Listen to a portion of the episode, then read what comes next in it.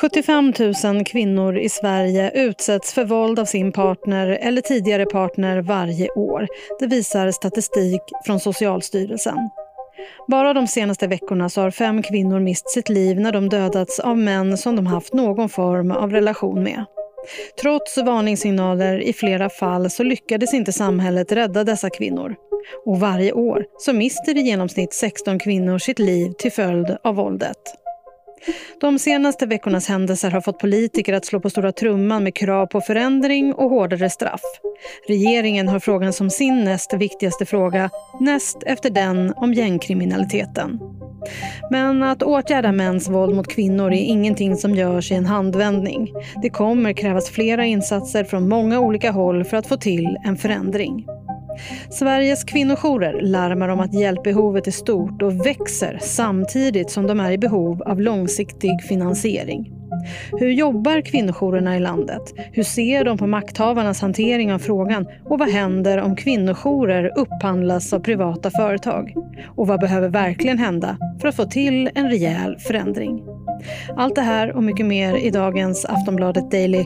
Jag heter Jenny Ågren.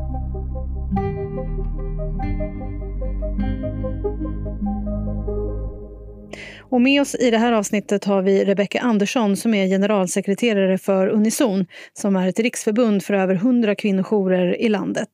Rebecka får börja med att berätta om känslorna den senaste tiden. Jag är förtvivlad faktiskt eh, och jätteledsen och sörjer att de här kvinnorna har behövt eh, mördas för att den här frågan lever ju varje dag och det här händer varje dag och det är en pandemi som eh, har funnits länge, mycket längre än den andra pandemin som vi ofta pratar om. Men eh, det är såklart ett misslyckande från samhället att kvinnor mördas. Det är oerhört sorgligt. Ni är en riksorganisation för bland annat kvinnojourer. Hur arbetar ni? Vi arbetar egentligen utifrån fyra principer som är eh, stöd och skydd, som ju ofta handlar om kvinnojourernas arbete då med skyddat boende så att kvinnor och barn måste fly sina hem för att de utsätts för våld av den man de lever med eller har levt med. Eh, och utöver det så är det stödinsatser som handlar om att bygga upp hennes liv igen när hon väl har flytt. Eh, att komma tillbaka till samhället. Och sen jobbar jourerna också mycket med förebyggande arbete och såklart med påverkansarbete. Vi är aldrig tysta om det vi får höra utan driver ju opinion i de här frågorna. Och utöver kvinnojourerna så har vi också tjej och ungdomsjourer som jobbar med gruppen barn och unga eh, och jobbar mycket på nätet. Hur stor skillnad skulle du säga att er verksamhet gör? Jag skulle säga att det är en livsräddande verksamhet och en samhällsbärande verksamhet. Eh, och jag eh, vet inte varför det är svårt att få ut det budskapet, men jag tror att om vi skulle ta paus en vecka så skulle det nog märkas ganska väl i samhället. Men det är klart, vi, vi är ju en, en brygga mellan eh, samhällsinstanser som när det brister så finns vi där. Det är ju så att en, en hel del kvinnojourer har upphandlats av privata företag. Vad kan det innebära för verksamheten att det blir i privat regi? Ja, det svåra i det här är att det är faktiskt inte direkt kvinnojourerna som upphandlas utan när man gör en upphandling i kommunen så är det allt oftare privata företag som vinner de upphandlingarna. Och det gör ju att man i sin tur inte placerar i lika hög grad på de ideella röstbärande kvinnojourerna. Sen eh, finns det fler aktörer, det finns kommunala aktörer också och eh, privata då som sagt utöver de ideella. Men, men det som är mest oroande är ju att man gör det här till en marknad eh, och inte förlitar sig på den 40-åriga kunskap som finns i kvinnojoursrörelsen. Eh, och jag tänker att vi alla nu under pandemin har fått se eh, hur privatiseringen av välfärden eh, har skapat luckor som vi kanske inte såg innan. Och jag är väl orolig för vad som kommer hända med den här rörelsen också. Men jag ska säga också att det är inte bara själva upphandlingsfrågan tyvärr som gör att vi är oroade över eh, våra jourers framtid, utan det är också att kommuner i, i lägre grad verkar placera kvinnor på jourer generellt. Dels handlar det om att det är svårare att få placering, eh, men också att man blir placerad kortare tid. Vi har sett en ganska drastisk, drastisk minskning i antalet dygn som en kvinna får bo på jouren. Eh, från 2018 som var 66 dygn till 2020 som var 55 dygn i snitt. Och det är en ganska stor minskning. Regeringen har mäns våld mot kvinnor som en av sina allra viktigaste frågor. Hur tycker ni att eh, regering och riksdag har hanterat frågan?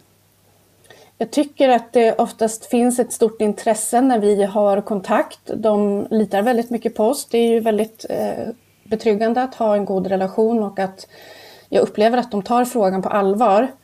Men jag upplever inte att det görs i samma grad såklart som till exempel gängkriminalitet och så. Och det handlar ju om resurssättning och uppföljning och utvärdering av arbete och implementering av arbetssätt och sådär. Men jag skulle också vilja säga att det här är en svår fråga just eftersom det är inte bara regeringen och riksdagen som måste eh, ta ansvar för det här arbetet utan mycket av arbetet ligger ju hos kommunerna. Och jag eh, upplever en diskrepans mellan kommunernas arbete och regeringens arbete. Regeringen har ju en tydlig vision som du säger, det finns en strategi eh, mot mäns våld mot kvinnor och hedersrelaterat våld och förtryck. Och samtidigt så har kommunerna ett ganska stort självstyre och bestämmer själva hur arbetet ska läggas upp. Och mycket ansvar ligger ju idag på enskilda socialtjänsthandläggare och socialsekreterare. Och jag skulle vilja se ett mycket större helhetsgrepp där det finns en mer enhet kring alla de här eh, insatserna och nivåerna. Vad skulle behövas? Jag tror att ett helt omtag faktiskt behövs. Eh, idag behöver vi ha ett, ett arbetssätt som implementeras över hela linjen så att säga. Eh, och i det så måste man inkludera riskbedömning av förövare. När vi pratar om de här allvarligaste händelserna som har uppmärksammats nu till exempel, så är det ofta så att vi vet vilka de här männen är och vi vet vilka situationer som är farliga. Alltså när kvinnan lämnar mannen eller säger att hon vill lämna mannen eller också när man planerar vårdnad och umgänge med gemensamma barn till exempel. Och vi vet det här, så att det måste implementeras ett arbetssätt som inte bara handlar om att skydda henne, hålla undan henne, utan också ge konsekvenser för honom när han överträder till exempel kontaktförbud.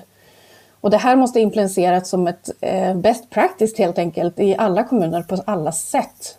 Och eftersom vi redan vet så mycket, så om vi kan komplettera det med att göra haverikommissionsutredningar varje gång det här händer, så kommer vi ju kunna identifiera vart det brister.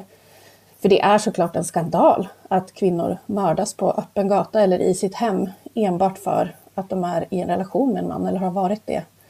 Så jag tror att ett omtag med implementering av arbetssätt som blir stringent över hela landet vore en bra grej. Och de här senaste veckornas händelser har ju också väckt flera politiker. Justitieminister Morgan Johansson vill ha nollvision mot kvinnovåldet och jämställdhetsminister Märta Stenevi har bjudit in till partisamtal. Vänstern vill ha en haverikommission, precis som du nämnde här. Eh, vad betyder det att politikerna är ute och, och pratar om det här nu i media? Signalvärdet är så stort, såklart jättestort eh, och det betyder mycket. Det är en balansgång mellan att känna att eh, det, det, det, skulle ha hänt för länge sedan såklart. Eh, men vi har stora förhoppningar nu. Nu ser man att den här frågan tas på allvar. Det är väldigt sorgligt att fem kvinnors liv skulle behöva sättas till för att det skulle leda till de här samtalen.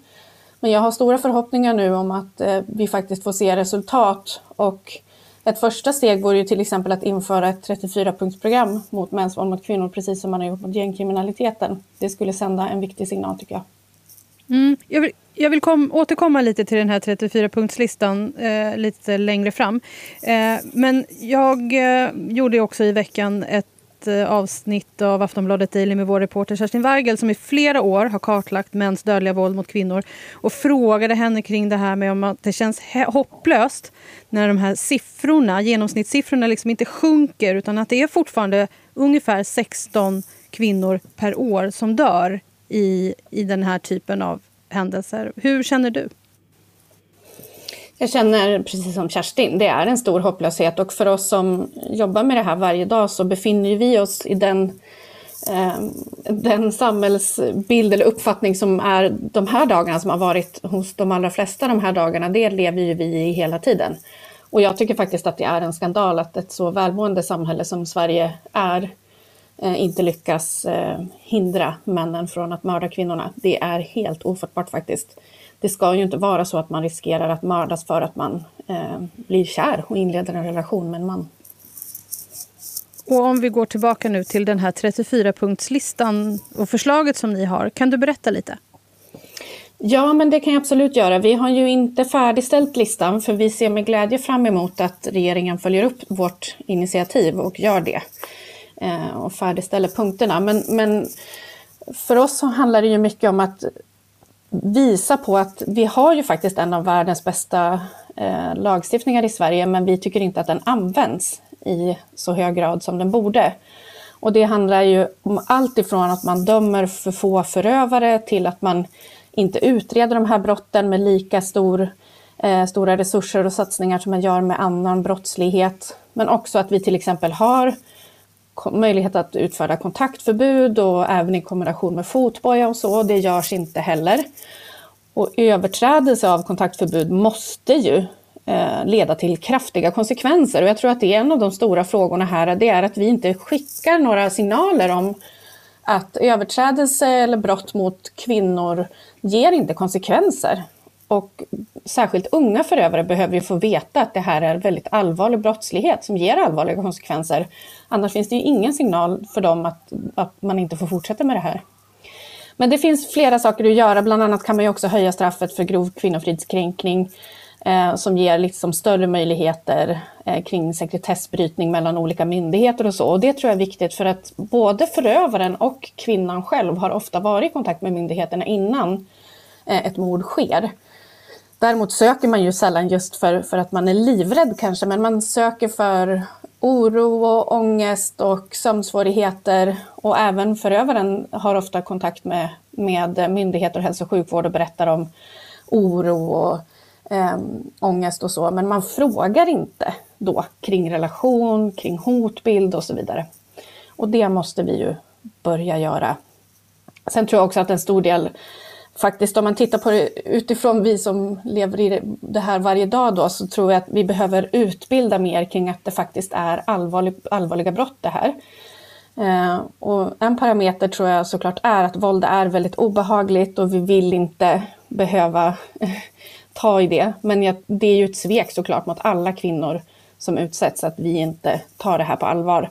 Och jag skulle vilja säga utbildning inom alla led, alltså polisanställda, ordningsvakter, rättsväsende, all form av personal och människor som möter kvinnor.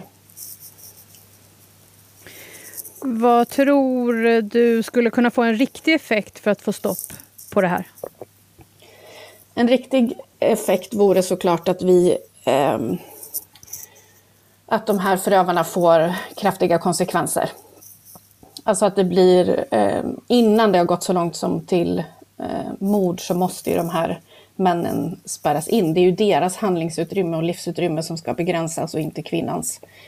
Det tror jag är. Men sen tror jag också att för att vi överhuvudtaget ska se ett slut på den här pandemin som är mäns våld mot kvinnor så måste faktiskt män ta ett ansvar i det här. Eh, det är, vi är en hel kvinnorörelse som gör vad vi kan och vi bär upp samhället i den här frågan från vårt håll och vi stöttar tusentals kvinnor varje år. Men vi behöver också män som tar ställning för den här frågan. Det får inte vara en kvinnofråga. Det här är en allvarlig samhällsfråga som alla behöver ta ansvar för. Sist här hörde vi Rebecka Andersson som är generalsekreterare för Unison. Jag heter Jenny Ågren och du har lyssnat på Aftonbladet Daily. Om du behöver hjälp så kan du ringa till Kvinnofridslinjen som är gratis och öppet dygnet runt. Vi hörs snart igen. Hej då!